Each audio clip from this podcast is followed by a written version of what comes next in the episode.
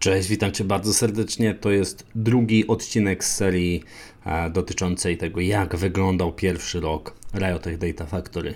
Bardzo się cieszę, że jesteś tu ze mną. Jeżeli nie słyszałeś czy nie słyszałaś pierwszego odcinka, to też zachęcam. Opowiadałem tam o tym, jak wyglądały przygotowania, z czym w ogóle startowałem, co miałem na start, a co musiałem wypracować, z czym musiałem się zmierzyć. E, w tym odcinku opowiem nieco bardziej, nieco więcej o kwestiach no już komercyjnych, rynkowych, czyli będzie o pierwszych e, zleceniach, pierwszych szkoleniach zrealizowanych, o kursie, e, będzie o różnego rodzaju problemach z tym związanych, o zmaganiach wewnętrznych i na koniec e, wyciągnięte lekcje dla Ciebie, jeżeli tylko masz ochotę ruszyć z czymś swoim. Bardzo serdecznie zapraszam e, i zachęcam do tego. Natomiast jeżeli masz ochotę ruszyć z czymś swoim, to już takie konkretne, wyciągnięte lekcje i na koniec plany. Plany na przyszłość, plany na ten rok Mam nadzieję, że będą Cię interesować. No to co, miłego słuchania. Sam start zacznę od delikatnego cofnięcia się tego, do tego, co było w poprzednim odcinku. Cześć, witam Cię w podcaście Big Data po polsku. Poznajemy tu wspólnie, jak działa świat, który, jak wiadomo, zbudowany jest z danych i rządzony jest przez algorytmy. Jesteś w dobrym miejscu. Jeśli interesują Cię technologie, biznes, społeczeństwo lub pogłębianie swojego potencjału i to wszystko w kontekście danych. Ja nazywam się Marek Czuma. Jestem założycielem Riotech Data Factory. Firmy, która pomoże Ci zrozumieć Big Data w wymiarze technicznym i biznesowym. Nalej do kubka solidną porcję swojej ulubionej kawy. Pakuj swoje rzeczy i ruszaj ze mną w tą fascynującą przygodę. I tu dochodzimy do momentu, w którym te wszystkie działania, no nie wszystkie, bo one, y, ja wymieniłem tu mniej więcej to, co robiłem y, takiego przygotowawczego przez cały rok, natomiast spora część z nich zaczęła y, odgrywać pierwszą rolę już w akcji, w boju, dlatego że pojawiły się pierwsze duże zlecenia. No właśnie, pojawiły się pierwsze zamówienia, duże, dlatego że to były te szkolenia przekrojowe, e, gdzie od zera uczę ludzi e, mających podstawową wiedzę po prostu z IT, programowanie, jakiś bash, jakieś bazy danych, podstawy i tacy ludzie po półtora miesiąca stają się juniorami w big data i mogą iść do projektu. I trzeba było takich szkoleń, jedno takie wielkie i dwa takie trochę mniejsze zrobić. Natomiast zaczęło się od tego wielkiego. I to był, to był prawdziwy, e, prawdziwe szaleństwo, to co się wtedy zaczęło dziać. Przede wszystkim e, musiałem przeprowadzić negocjacje. Pierwszy raz w życiu biznesowe, prawdziwe biznesowe negocjacje. Musiałem wynegocjować stawkę, musiałem e, dograć wszystkie szczegóły organizacyjnie, biznesowo. Później się okazało, co naprawdę muszę zrobić.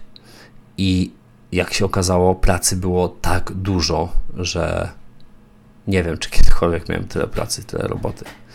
Przede wszystkim musiałem zrobić upgrade klastra, dlatego że klient zażyczył sobie dość sporo technologii, których nie miałem na swoim szkoleniowym klastrze.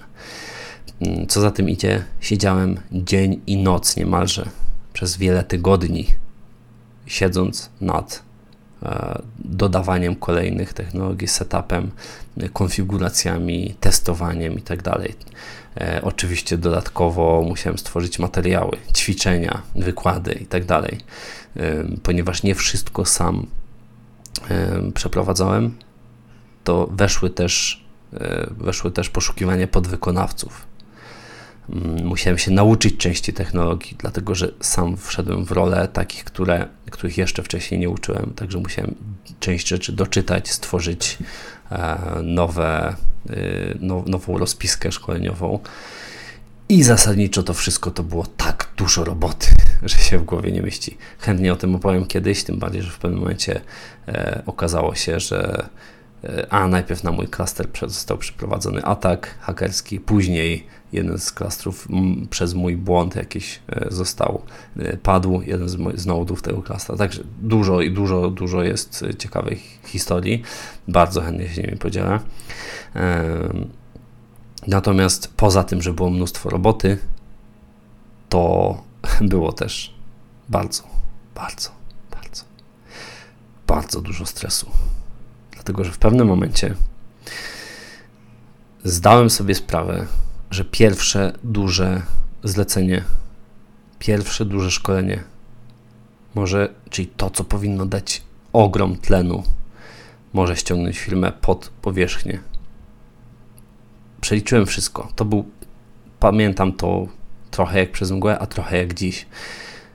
Dziwna mieszanka, ale pamiętam moment, w którym przeliczyłem sobie pieniądze i zauważyłem, że nie, nawet nie to, że kurs się, y, kurs, szkolenie się nie będzie spinać, bo to akurat zauważyłem wcześniej, szkolenie mm, niekoniecznie wyjdzie na plus. Źle obliczyłem stawki, źle jeszcze nie wiedziałem, nie miałem pojęcia o rynku, dopiero się dowiadywałem różnych rzeczy. Z, przez moje błędy to wszystko wyszło, ale uczyłem się, musiałem się na czymś uczyć zorientowałem się, że podałem stawkę na tyle za niską, że nie tylko na tym nie zarobię. Natomiast biorąc pod uwagę mm, też czas, w którym ja musiałem wypłacić pieniądze podwykonawcom, a czas, w którym ja najprawdopodobniej dostanę pieniądze za szkolenie, to najprawdopodobniej pojawi się taki moment, w którym zejdę pieniądz pieniędzmi mocno poniżej zera. I to był moment, w którym po prostu zalała mnie taka fala ciepła i zimna. E, pomyślałem sobie, cholera, co tu się dzieje? Dlaczego robię dużą robotę, robię naprawdę duże szkolenie, które trwa półtora miesiąca. Niektórzy mogą myśleć, że szkolenie to jest taka rzecz, gdzie zasadniczo jest to bezkosztowe. Otóż nic bardziej mylnego, szczególnie w tej branży. Musisz wiedzieć, że szczególnie jeśli ja stawiam na takiego dość grubego konia pod tytułem robimy na prawdziwych technologiach, na prawdziwej infrastrukturze, to ja musiałem wiele, wiele, wiele tygodni e, stawiać tą infrastrukturę, a później utrzymywać ją przez czas szkoleń. I e, za takie rzeczy się płaci ponieważ to stoi w chmurze, to płaci się tysiące miesięcznie.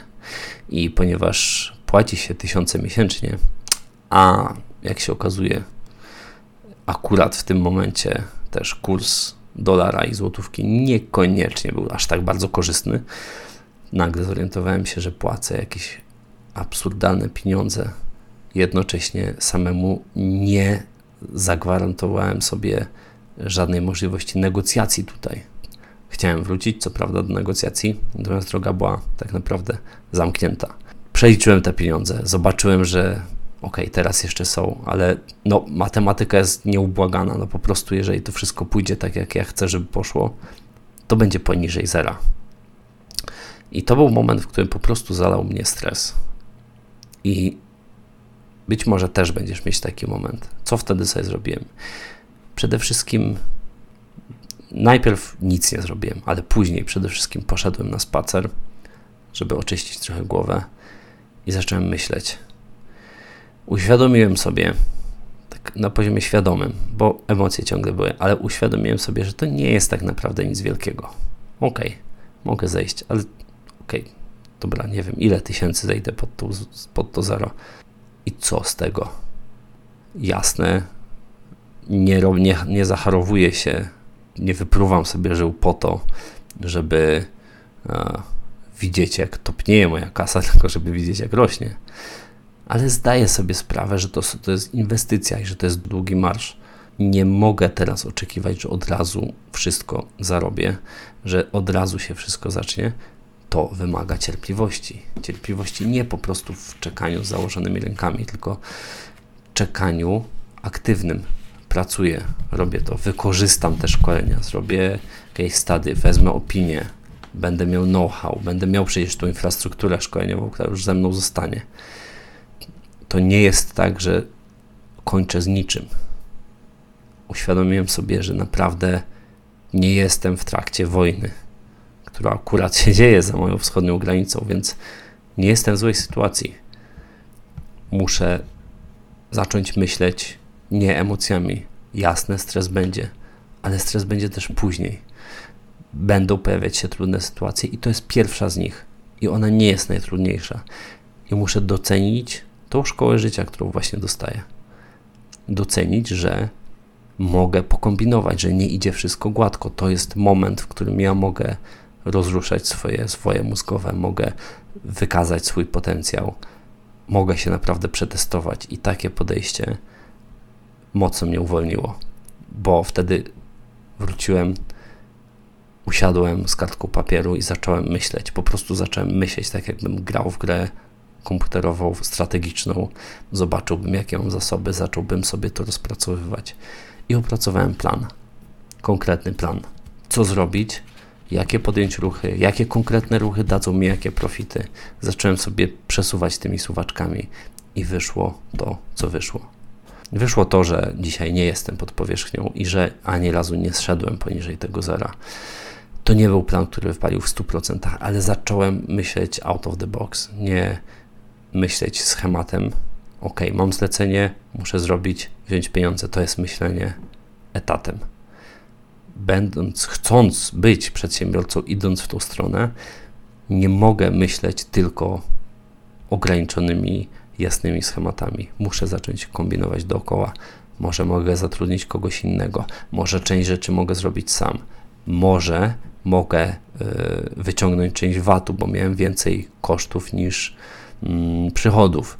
To część VAT-u od państwa mi się należy. Mo może mogę się teraz ubiegać o zwrot tego VAT-u, żeby trochę, trochę te pieniędzy mieć. Może mogę opóźnić pewne płatności, a pewne przyspieszyć. Trzeba zacząć myśleć o tym. Może mogę E, pogadać z, o, odnośnie obniżenia albo jakiegoś rabatu e, w chmurze, z którą współpracuję i tak dalej. Więc powstał plan. Do tego okazało się, że byli dobrzy ludzie. Myślę tu konkretnie o Łukaszu, który e, zrobił bardzo fajną rzecz. Nie chcę tutaj mówić dokładnie jaką, ale dzięki wielkie. Jestem Ci za to dozgonnie wdzięczny, co wtedy zrobiłeś. Dzięki, bro masz u mnie dług wdzięczności i jeśli tylko czegoś będziesz potrzebować, jestem tutaj. I to był moment, który bardzo dużo mi dał i do teraz daje, dlatego że wiem, że wyszedłem stamtąd, z tamtej opresji obronną ręką, dzięki wielu zbiegom okoliczności, ale też dzięki swojej głowie i mogę tą głowę wykorzystać później.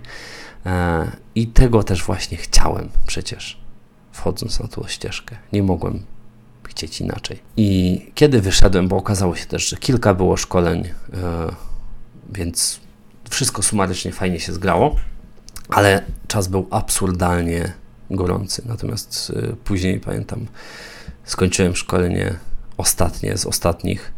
Po prostu zamknąłem wszystko, co się da, a nagrałem chyba jeszcze podcast. Tak, nagrałem podcast, chciałem opublikować i chciałem już po prostu zostawić wszystko i pójść na urlop odpocząć sobie chociaż ten tydzień, pojechać nad morze z żoną, z dziećmi i, prawie się udało. Co prawda do późnej godzin e, siedziałem nad tym, żeby podcast zaploadować, wygrać wszystko, ale w końcu wszystko się udało. Zostać, pojechaliśmy na północ. E, co prawda jeszcze tej samej nocy, jak już będąc w hotelu nadmorskim, wysyłałem newsletter, ale dobra, nieważne. Mm to już nie była praca, ok? Natomiast po powrocie zacząłem się zastanawiać, co dalej. I, i też zacząłem YouTube'a, zacząłem różne rzeczy, ale powiedziałem sobie, muszę pozyskać klienta. Do tej pory miałem, no udało się jakoś, trochę fartem, trochę nie, ale udało się. To pytanie, co dalej? Jak mam zacząć pozyskiwać klientów, którzy będą regularnie się zjawiać? Jak ja mam w ogóle to zacząć robić? nie miałem o tym pojęcia. I to było coś, co mnie trochę przerażało, bo ciągle myślałem, dobra, nie wiem jak będzie później, ale wiem, co teraz mam robić. Mam mnóstwo rzeczy do zrobienia, więc robiłem. Aż przyszli, przyszedł ten moment, że musiałem zacząć aktywnie pozyskiwać klientów i powiedziałem sobie, nie mam kompletnie tego pojęcia, jak to się robi. E, zacząłem od tego, żeby spotkać paru ludzi, których ja znam, a którzy wiem, że znają się na rzeczy. robią różne rzeczy biznesowe i to bardzo grube, także spotkałem się z nimi. Niestety nic bezpośrednio, żadnych profitów z tego nie uzyskałem, natomiast uzyskałem pośrednio, między innymi od jednej mądrej osoby usłyszałem e, rzecz, no niby oczywistą, tak, ale y, usłyszeć to od kogoś doświadczonego jest zupełnie inaczej. Muszę mieć jakieś rekomendacje, jakieś opinie. Ja, ja sobie myślałem, kurczę, nic jeszcze nie zrobiłem, żadnego szkolenia, a potem pomyślałem sobie, jak to nie zrobiłem szkolenia? Robiłem dość sporo szkoleń, po prostu one nie były tak tak pięknie wymodelowane RDF-owo, z pozyskanym idealnie klientem, tak jakbym chciał, ale ludzi przeszkoliłem. Dla przyszłych klientów będzie się liczyło to, czy ja umiem y, przeszkolić ludzi, nie to, czy, ben, czy zrobiłem to według swojego wymarzonego modelu. Więc napisałem do wszystkich kursantów, napisałem do wszystkich osób, które mogą biznesowo udzielić e, referencji. Zrobiłem pliczek z referencjami, zrobiłem stronę, podstronę na stronie, gdzie opisuję opinie wszyscy kursanci, którzy odpowiedzieli, odpowiedzieli mi pozytywnie, mimo że poprosiłem o wystąpienie pod imieniem i nazwiskiem. Dzięki Wam za to wszyscy. Jesteście wspaniali, jesteście kochani i jestem Wam za to bardzo, bardzo wdzięczny. I zacząłem, pomyślałem sobie, ok, nie mam bladego pojęcia w ogóle z kim rozmawiać, do kogo pisać, jak pisać, ale trzeba coś zacząć robić. Nie mogę czekać na cud. Więc zacząłem samodzielnie zbierać kontakty w internecie, zacząłem, stworzyłem swoją jakąś tam zgrubną formułę i zacząłem po prostu pisać. I to jest to, co Ci bardzo, bardzo polecam. I to jest bardzo, to co wymyśliłem, ten mój cały proces był bardzo, bardzo, bardzo niedoskonały. Ale krok po kroku zaczynałem rozmawiać. Krok po kroku zaczynałem tworzyć sobie samemu przestrzeń do poprawy. I to jest bardzo ważne. Raczej o ile nie masz takiego super drygu marketingowo-sprzedażowego, to co napiszesz na początku nie będzie fantastyczne, ale napisz, to już coś będzie, będzie jakaś zaczepka, będzie jakiś pierwszy odzew, nawet jeśli negatywny, to super, to wiesz z czym pracować, masz już jakiś warsztat pracy, bo inaczej masz po prostu puste biurko. Chodzi o to, żeby mieć z czym pracować i możliwie metodycznie też. Ja tak podszedłem do tego, stworzyłem sobie odpowiedniego Excelka, odpowiednią procedurę, listę kroków, które chcę przejść, ale w myśl powiedzenia, że better done than none, nie wiem gdzie to usłyszałem, ale to super powiedzenie, po prostu zacząłem robić tak?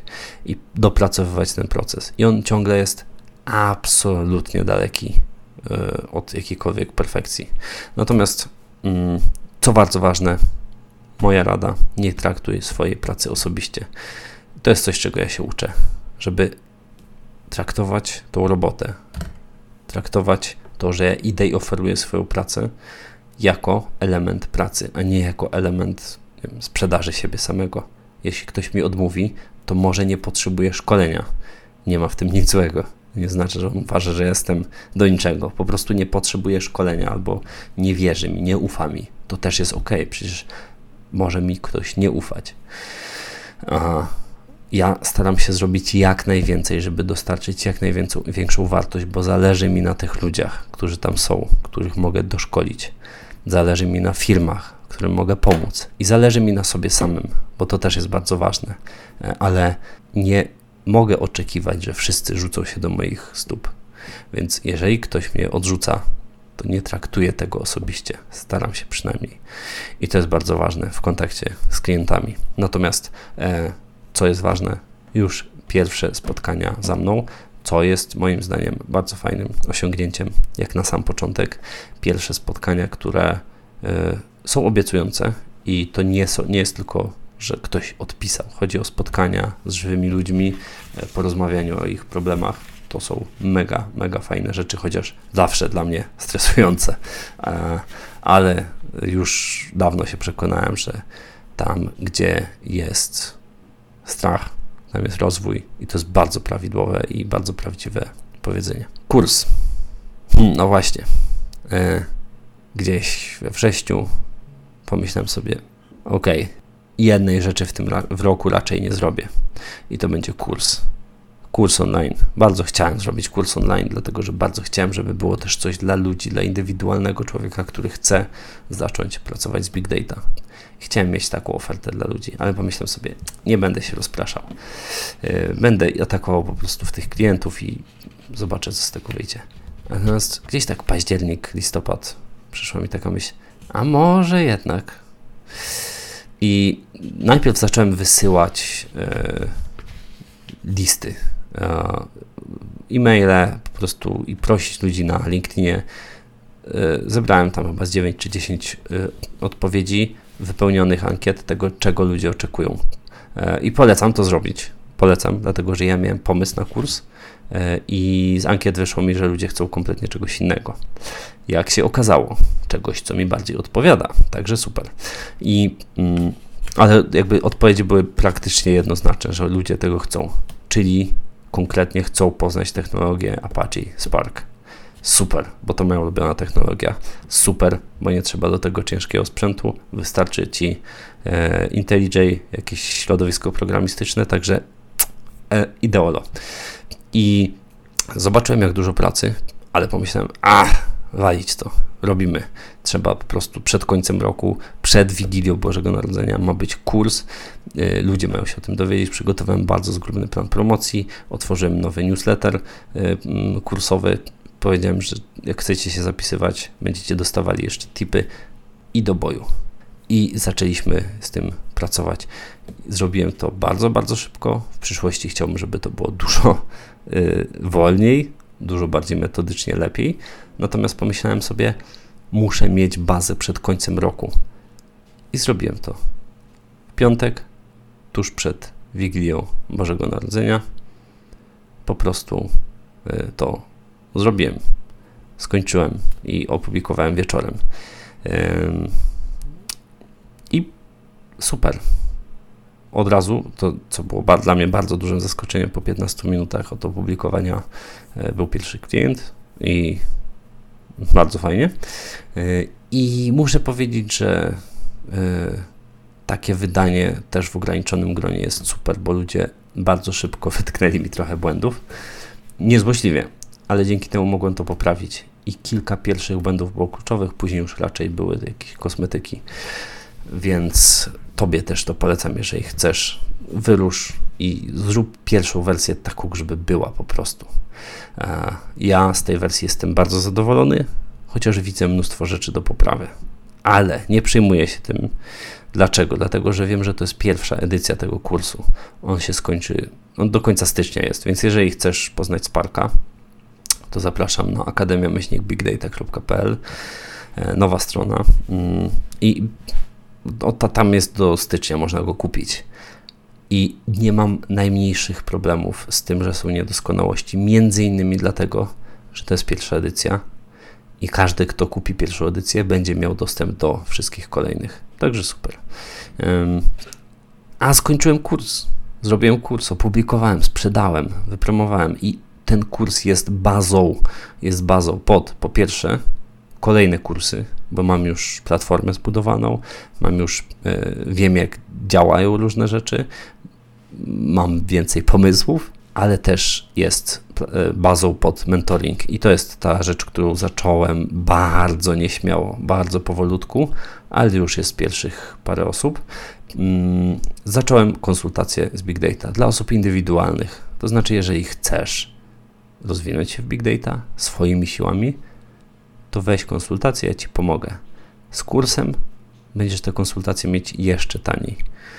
I zobaczymy, co z tego wyjdzie. Chcę, żeby te konsultacje, takie jest moje marzenie, nie wiem na ile to wyjdzie.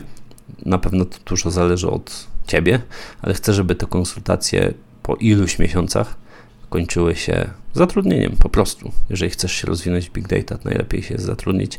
Dlatego też rozmowy z firmami prowadzę troszeczkę pod tym kątem, czy nie byłyby zainteresowane takimi ludźmi.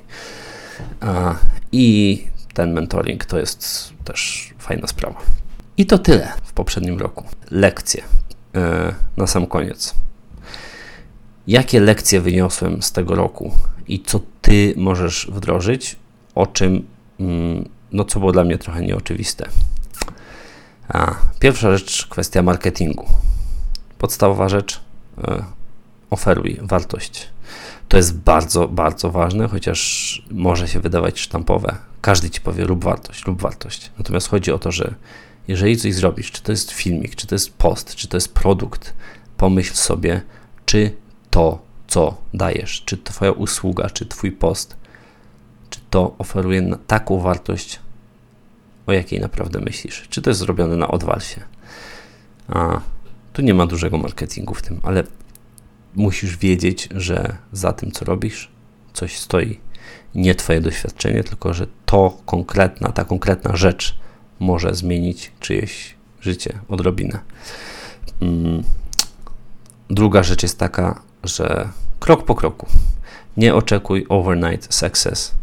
Nic nie dzieje się w chwilę, chyba że trafisz na jakiś super przypadek. Nie wiem, udać się porozmawiać z kimś znanym. Twoje social media wyskoczą w górę, po prostu eksplodują. Ok, tego Ci życzę, jeżeli będziesz na to gotowy albo gotowa. Natomiast większe prawdopodobieństwo jest, że nic takiego się nie zdarzy. I co? I nic, bo ciągle można budować biznes i ciągle można budować wartość. I to jest najfajniejsze. Rób krok po kroku. Nie przejmuj się tym, że coś idzie wolno, po prostu rób swoje i ciągle zastanawiaj się, co możesz zrobić lepiej. Ale nie patrz, błagam cię, ciągle w te statystyki. Błagam cię, Maro, nie patrz ciągle w te statystyki, bo za dużo na nie patrzyłeś już w poprzednim roku i zmarnowałeś czas, który mógłbyś poświęcić na robotę. E, I ostatnia rzecz z marketingu. Lajki i inne reakcje pod postami to nie to samo, co efekt, którego oczekujesz. I to jest coś, co chyba naj, najmocniej mnie uderzyło. Ja o tym nie miałem pojęcia. Kiedyś myślałem, ok, jest ktoś, kto ma mnóstwo reakcji pod postem, to pewnie dobrze sprzedaje. Jest ktoś, kto nie ma reakcji, pewnie nie sprzedaje w ogóle. Zauważyłem, że niektóre moje posty na LinkedInie, które, w ogóle nie miały żadnych reakcji, generowały mi e, no, subskrybentów albo jakieś wejścia inne, albo nawet klientów po prostu ludzie nie zawsze chcą się ujawniać z tym, co lubią, na co patrzą, co ich interesuje. Po prostu czytają e, media społecznościowe. Czasami ludzie reagują, ale to wcale nie muszą być ci sami, którzy później e, będą kupować Twoje produkty. Mogą być. Oczywiście im więcej reakcji, im więcej komentarzy, tym lepiej, bo ten post dalej popłynie i mogą inni ludzie po prostu go przeczytać, którzy mogą zostać Twoimi klientami, ale chodzi o to, że naprawdę reakcja to nie jest to samo, co efekt, którego oczekujesz. E, kolejna rzecz, hmm, może zostawię sobie ją na koniec, bo to jest najciekawsza, ale yy, to, to może bardziej sztampowo. Rób jak najwięcej. I po prostu chodzi mi o, o coś takiego, że nie staraj się zbudować idealnego idealnie ułożonego procesu, który zapewni Ci sukces. Czasami po prostu trzeba robić jak najwięcej, bo mówimy dzisiaj nie pracuj ciężko, tylko mądrze. Ja w to nie wierzę, szczerze mówiąc. Nie ma czegoś takiego jak nie pracuj ciężko, tylko mądrze. Pracuj mądrze i ciężko. Ale nie ma takiej możliwości, że siądziesz i spędzisz tydzień na planowaniu jednej złotej rzeczy, tak, żeby później przez kolejny tylko tydzień popracować i do końca roku mieć wolne, bo już tak mądrze zaplanowałeś wszystko. Nie, po prostu czasami trzeba robić dużo, siać w wielu miejscach. Ja zasiałem w wielu miejscach i szczerze mówiąc, przez grudzień nic prawie nie publikowałem nigdzie, prawie nigdzie. A to jest miesiąc, w którym najwięcej subskrybentów przyszło do mnie. To jest miesiąc, w którym E, YouTube urósł najbardziej. Po prostu nie, te miejsca, w których zasiałem wcześniej, zaczęły dawać plon. E, I to się wiąże z tym, że patrz długofalowo. Nie oczekuj efektów tu i teraz, a jeżeli nie oczekujesz efektów tu i teraz, oczywiście rób wszystko tak, żeby były. E, to nie, nie, nie chodzi o to, żeby robić za darmo, ale nie oczekuj. I jeżeli nie oczekujesz, to pomyśl o tym, jak ten czas przeżyjesz czyli najlepiej raczej nie rzucaj się na głęboką wodę. E, I jedna z ostatnich rzeczy to, że organicznie możesz bardzo dużo. Ja kiedyś myślałem, że no nie, mali mogą tylko e, promowanymi postami i materiałami. Nie, organicznie można naprawdę sporo. Szczególnie na takich bardziej no, trzymających poziom miejscach, portalach. Takich jak LinkedIn trochę jeszcze jest. I ostatnia rzecz z moich lekcji. Przez ostatnie lata zastanawiałem się nad takim stwierdzeniem, czy to jest dobre, czy to jest złe. Fake it till you make it. I prawdę mówiąc, szarpałem się. Ciągle, ciągle się szarpałem z tym. Hmm. Zastanawiam się, jeżeli ktoś nie wie, to od razu tłumaczę. Fake it till you make it znaczy, e, no, jeżeli jeszcze nie jesteś w jakimś punkcie, to udawaj, że w nim jesteś. Jeżeli nie masz wielkiej firmy, udawaj, że masz, jesteś już prezesem wielkiej firmy i zachowuj się tak, jakbyś się zachowywał, czy zachowywała, jak już osiągniesz ten swój cel. E, I od razu tu powiem, że można to rozumieć na rozmaite, e, w rozmaitych wariantach. Jeden jest taki, taki najbardziej light, że po prostu przed sobą myślisz sobie, wizualizujesz sobie, że jesteś już tym prezesem, więc w związku z tym masz, nabierasz pewności siebie, stylu odpowiedniego i tak dalej. Zaczynasz myśleć tak jak mm, właściciele wielkich firm i tak dalej. Natomiast może być też opcja bardzo hardkorowa, taka jak nam zaprezentowała e, pani, którą się, nazywa Elizabeth Holmes, która y, no po prostu oszukiwała ludzi, że ma produkt i to dość, dość ważny. Zachęcam do e, zgłębienia tej postaci i obejrzenia. Bardzo ciekawy dokument, e, bodajże nazywa się chyba Dolina Krzemowa w kropli krwi, czy coś takiego. E, oj, Elizabeth Holmes, która została w zeszłym roku skazana na ile? Chyba paręnaście lat więzienia właśnie za przekręty różnego rodzaju i nie, nie chodzi o to, że ona chciała oszukiwać, tylko że ona jakby na tyle wierzyła w tą swoją wygraną, że yy, no właściwie percepcja została kompletnie zaburzona u niej. Mm. Stała się, no została złatką oszustki niestety i pewnie pozostanie tak do końca życia. I, I ja się zastanawiałem, co, jak ja mam postępować. W sensie bałem się trochę przyznania tego, kim jestem, jeżeli mam rozmawiać z firmami, i to dużymi firmami, które robią duże pieniądze, które oczekują poważnych współpracowników, kontrahentów. I zastanawiam się, jak ja mam. Czy, no wiadomo, że oszustwo takie jawne nie, nie wchodzi u mnie w grę, ani w kontekście y, jakiejś strategii biznesowej, ani w kontekście moralnym. Natomiast, czy ja powinienem udawać, że na przykład tak stricte marketingowo, jakoś podprogowo, że mam ten zespół spory, że mam duże doświadczenie, starać się różne rzeczy naciągać, czy niekoniecznie. I powiem szczerze, że moment, w którym uznałem, że nie będę nikogo grał, był jednym z fajniejszych momentów ubiegłego roku, e, czy może takich okresów przejściowych ubiegłego roku, gdzie po prostu stwierdziłem, nie, no jeżeli mam z kimś współpracować, to chcę, żeby wiedział, że mam takie, a nie inne doświadczenie. Nie mam już małego doświadczenia, więc nie muszę się tego bać. Może nie mam aż tak wielkiego, jakby ktoś mógł oczekiwać, ale jestem przekonany, że dowiozę wartość i to jest najważniejsze. Jeżeli ktoś oczekuje współpracy tylko z drugą korporacją, to i tak to prędzej czy później wyjdzie, więc przestałem grać znaczy, nigdy za bardzo nie grałem, ale przestałem myśleć o tym, że będę grał i po prostu publikowałem e, jako ja. Na YouTubie mówiłem jako ja i pomyślałem sobie, niech tak będzie. Jeżeli ktoś będzie chciał współpracować z kimś, kto dostarczy dużą wartość, to do mnie przyjdzie, zapraszam. Jeżeli nie, no to i tak to wyjdzie.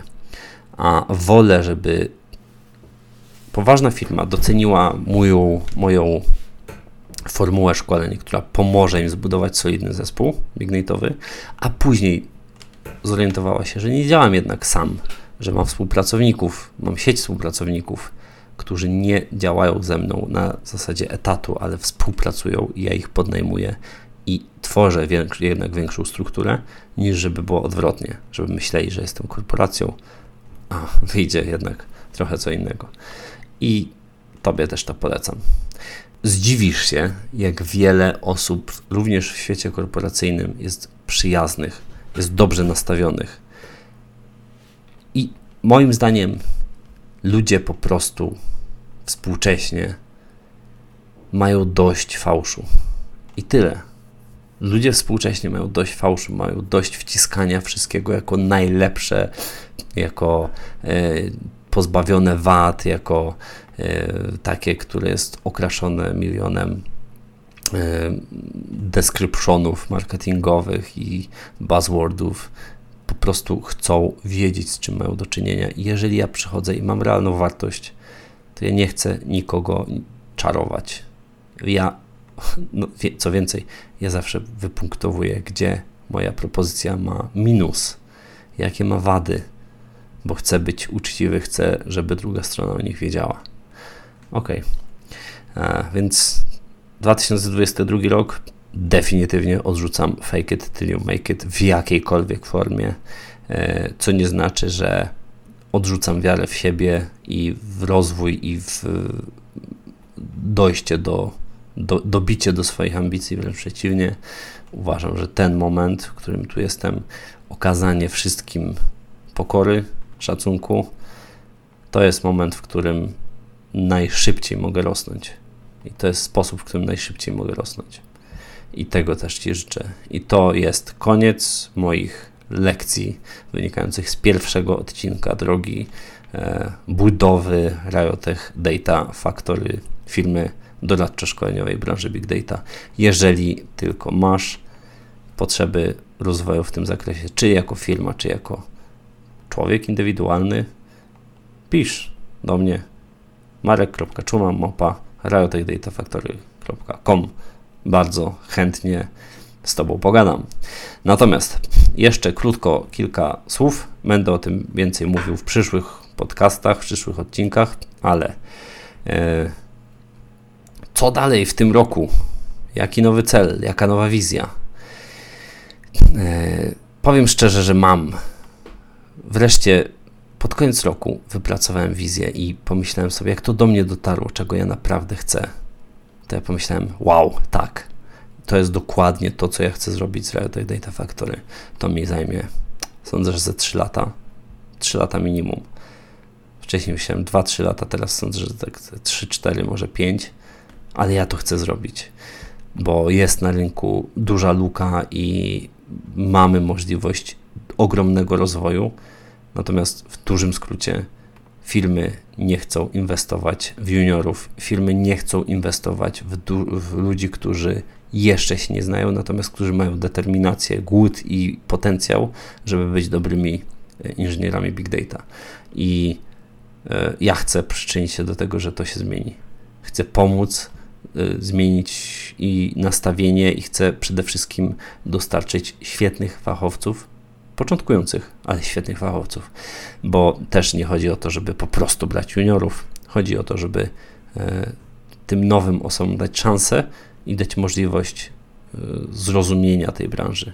Tak. Więc ja chcę jak najlepiej, jak najwięcej osób, jak najlepiej przygotować i w porozumieniu z firmami dać im przestrzeń do rozwoju i do wejścia w branżę. To naprawdę zracjonalizuje bardzo dziwne, coraz dziwniejsze stawki, które się pojawiają na rynku, jednocześnie da ludziom możliwość ciekawej pracy, dobrze płatnej pracy i da firmom wreszcie tlen i zasoby do poważnego rozwoju. Mhm. Uważam, że to jest potrójna wygrana, także y, to jest mój cel, moja wizja, którą będę jeszcze rozwijał, ale bardzo chcę, żeby tak wyglądała Polska za parę lat. Dużo, dużo, dużo nowych, świetnie przygotowanych osób. Y, natomiast w kontekście i podcastu i nie tylko. Otwieram się na współpracę. Tak jak w tym roku testowałem, tak w 2023 y, bardzo chcę współpracować. I chcę zacząć współpracować, także jeżeli masz ochotę albo powspółpracować operacyjnie, albo e, przy okazji tego, tego podcastu Big Data po polsku pogawędzić ze mną o danych, to bardzo zachęcam. Napisz marek.czumamałara.datafactory.com albo na LinkedInie, albo gdziekolwiek zechcesz. I sądzę, że dojdziemy do porozumienia. Jeżeli patrzysz w tą samą stronę co ja, super. Musimy zrobić coś, żeby ta branża wystrzeliła w Polsce. Także sam tego nie zrobię. E, razem mamy dużo większe szanse. I mentoring to jest trzecia rzecz w tym roku, która na pewno wejdzie. E, znaczy na pewno, no sądzę, że na pewno, bo już widzę, że jest coraz większa przestrzeń do tego.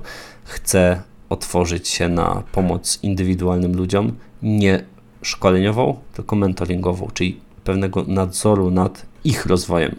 Czyli ty się rozwijasz swoimi siłami, ale ja staram się, żebyś nie popełnił kompletnych głupot.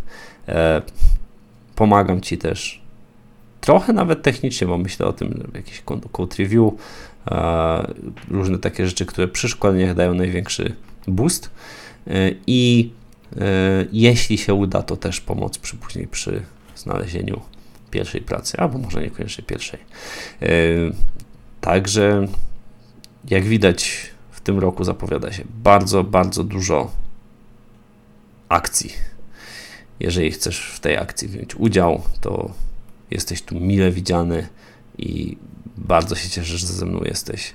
Bardzo się cieszę, że przebrnąłeś przez ten odcinek, a właściwie dwa odcinki, bo już wiem, że to podzielę. E, trzymaj się. Życzę Ci powodzenia w tym nowym roku i do usłyszenia w kolejnym odcinku za dwa tygodnie. Trzymaj się. Ja nazywam się Marek Czuma, jestem założycielem, dumnym założycielem Riotech Data Factory, inżynierem Big Data. I trzymam za Ciebie kciuki, wierzę w Ciebie. A teraz miłego dnia, miłego wieczoru, smacznego, cześć!